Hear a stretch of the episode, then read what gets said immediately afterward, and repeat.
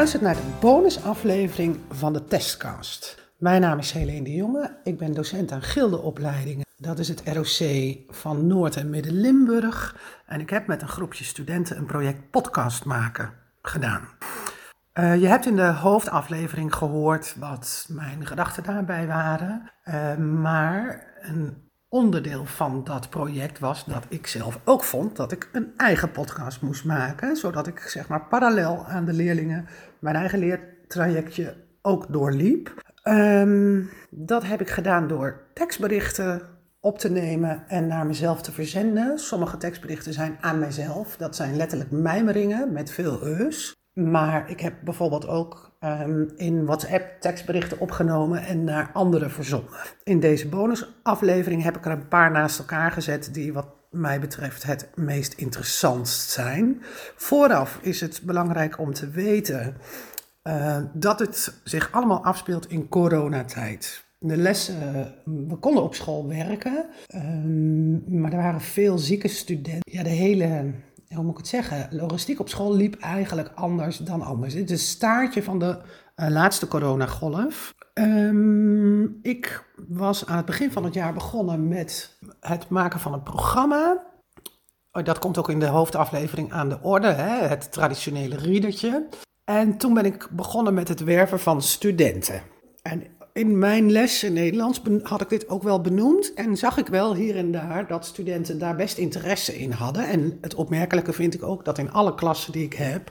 Er altijd wel een paar studenten zijn die naar podcasts luisteren.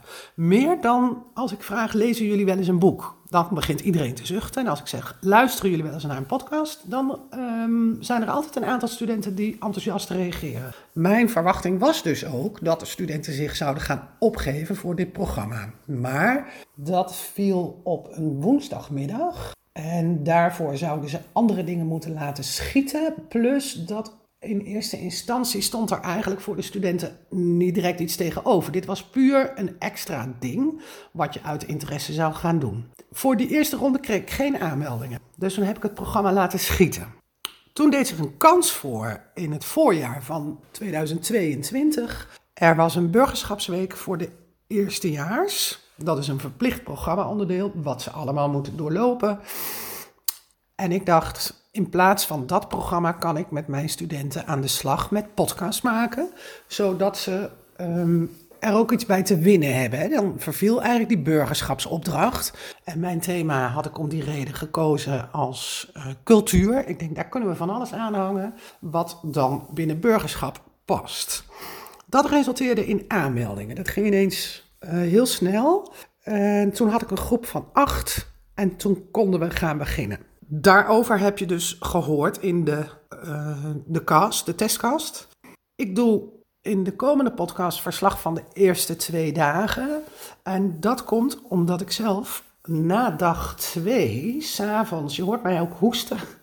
En ik dacht, ik voel me niet helemaal oké, laat ik mijzelf eens testen. Nou, daar knalde een enorm positief resultaat uit. Dus toen kon ik zelf niet meer naar school. Dat betekende dat het project ook een beetje als een kaartenhuis in elkaar zakte. Want toen moest ik van huis uit, nou ja, nog wat dingetjes regelen. Ik heb een collega moeten vragen om wat van mij over te nemen.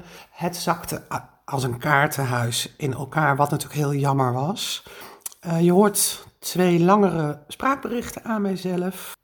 En ik sluit het verhaal daarna ook nog voor jullie af.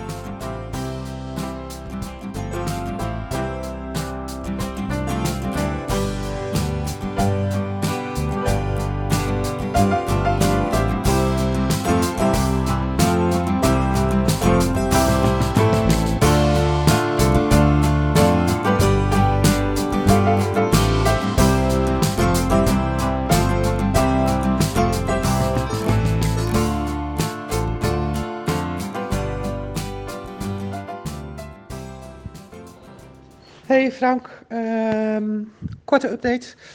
Gisteren ben ik uh, heel moeizaam van slag gegaan.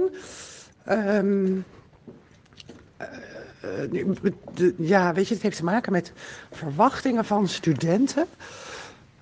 Onze studenten zitten natuurlijk heel erg op dat um, ja, sociaal-emotionele. wat houdt jongeren bezig?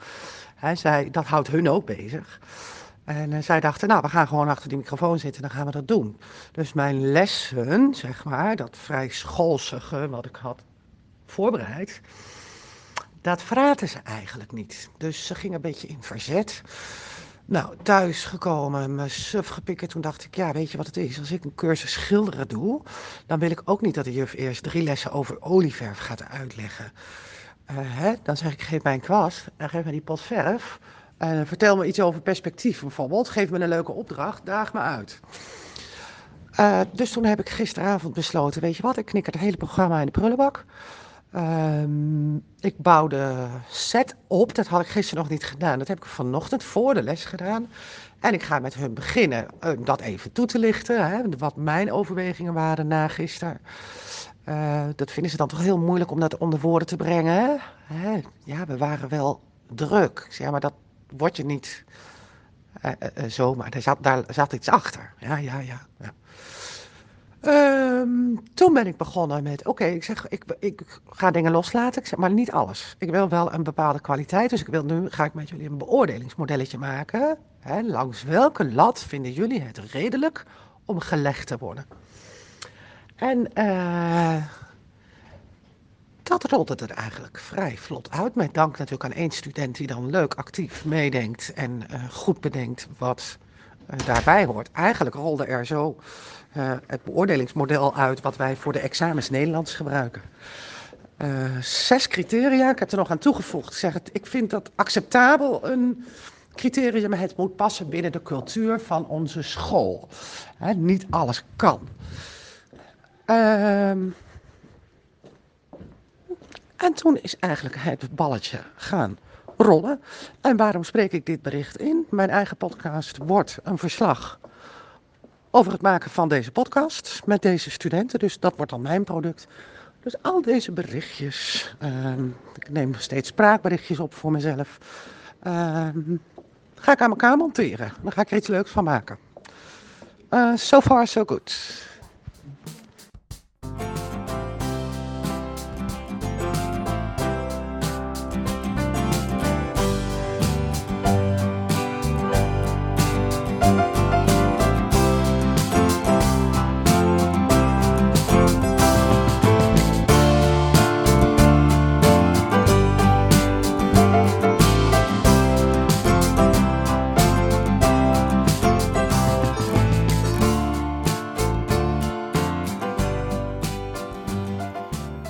2, kort verslag. Um, nou, jullie weten al dat het uh, op dag 1 niet zo leuk, niet zo leuk, niet, niet, echt goed verliep. Althans, niet volgens mijn standaard en verwachtingen. Uh, gisteren een pittig denkproces gehad. Um, Dat is dan uh, als ik onderweg naar huis ga en uh, in de auto zit te mijmeren.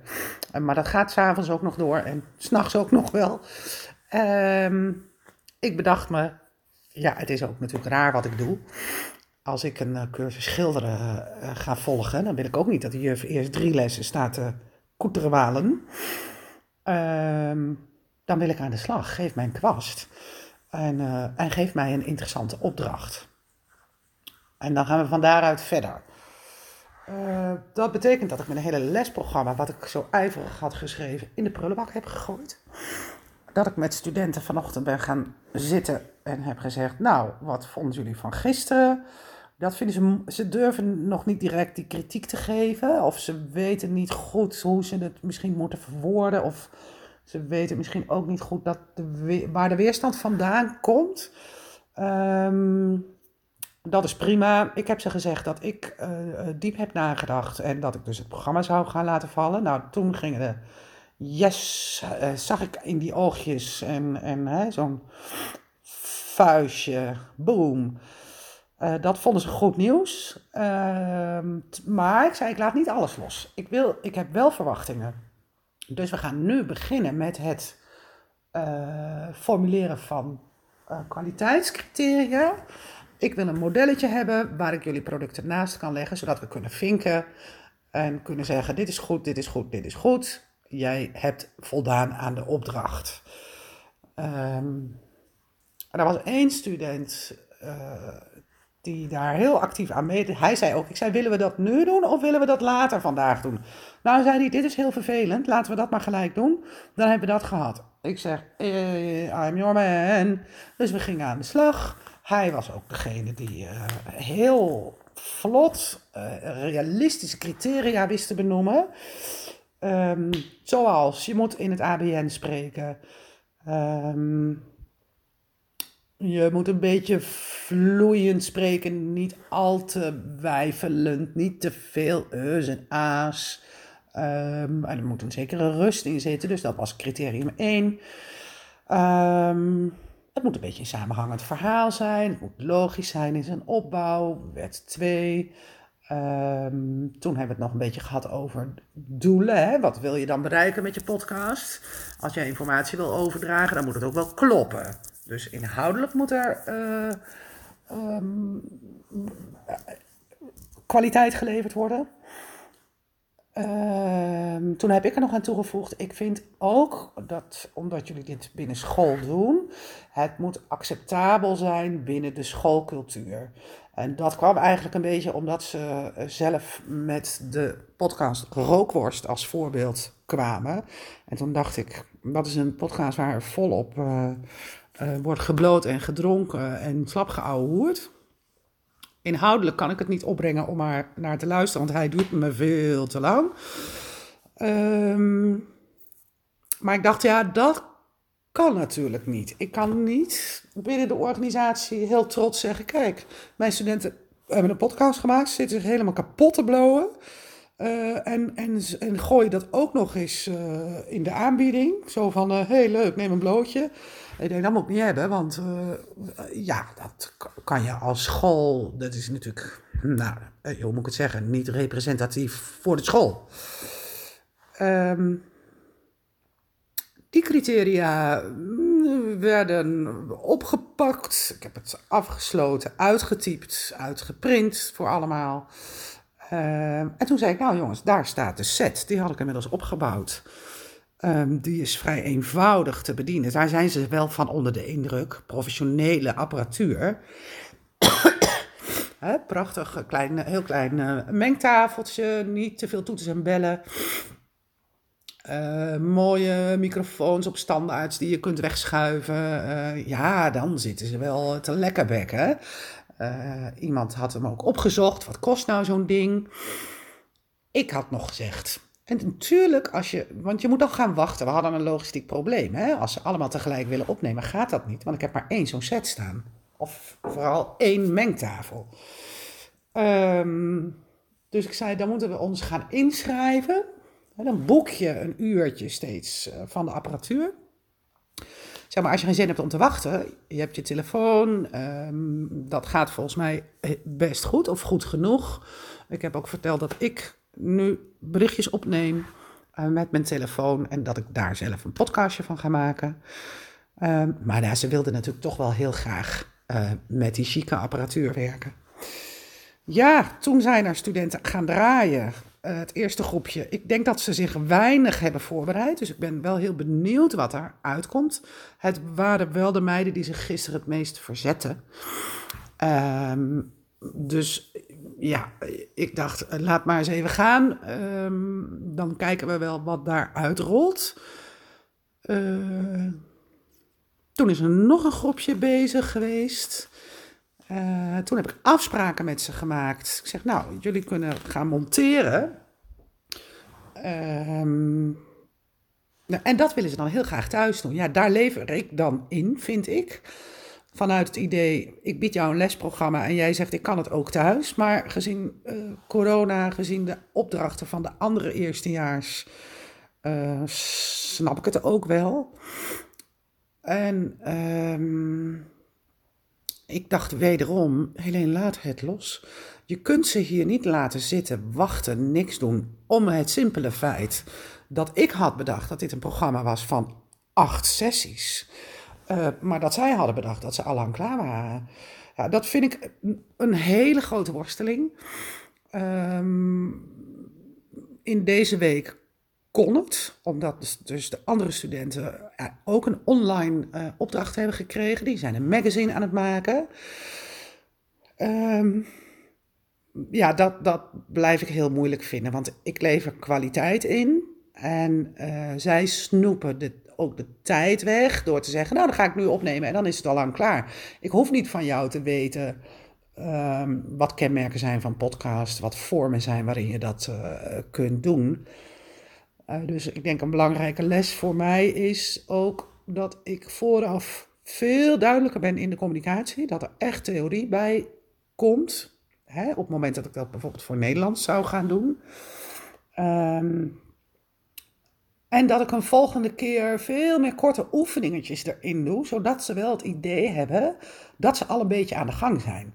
Je zou bijvoorbeeld kunnen zeggen van, um, bedenk ik me nu hè, we gaan vandaag uh, allemaal een korte intro opnemen. We gaan ons allemaal voorstellen. Wie ben ik en um, waar liggen mijn interesses?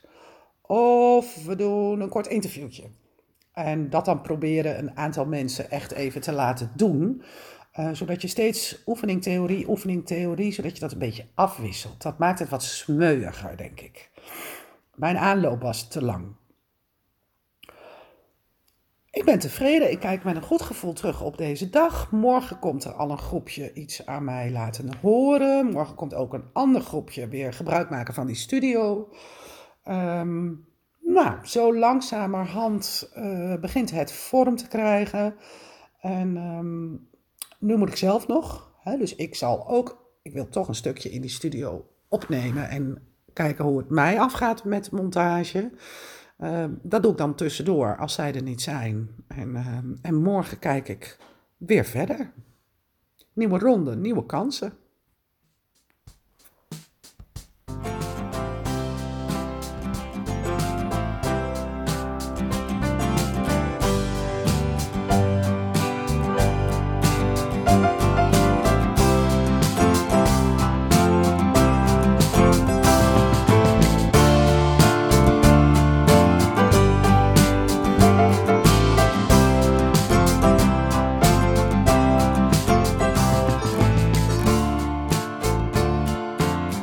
Hebt geluisterd naar de bonusaflevering van de testgast. Dit hele project heeft geresulteerd in een aanbod dat ik ga doen via de Go Academy aan docenten uh, die binnen gildeopleiding werkzaam zijn. Ik zal uh, daarin twee sporen pakken. Uh, de eerste is hoe kan ik zelf als docent aan de slag met podcasts hè, om te verwerken of te gebruiken in mijn aanbod naar studenten. Het tweede spoor is, hoe kan ik met studenten werken aan podcasts? Ik denk dat er enorm veel potentie is um, in uh, dit medium en dat het eigenlijk binnen alle opleidingen meerwaarde zou kunnen hebben. En de focus zal dan afhankelijk van de beroepsgroep natuurlijk steeds anders liggen. Um, maar ik denk dat we er allemaal wat mee kunnen. Ik vind het super interessant. Ik heb hier met veel plezier aan gewerkt en ik heb er enorm veel van geleerd. Wil je meer weten? Kun je mij natuurlijk bellen of mailen op h.dejonge.rocgilde.nl. Dank jullie wel voor het luisteren.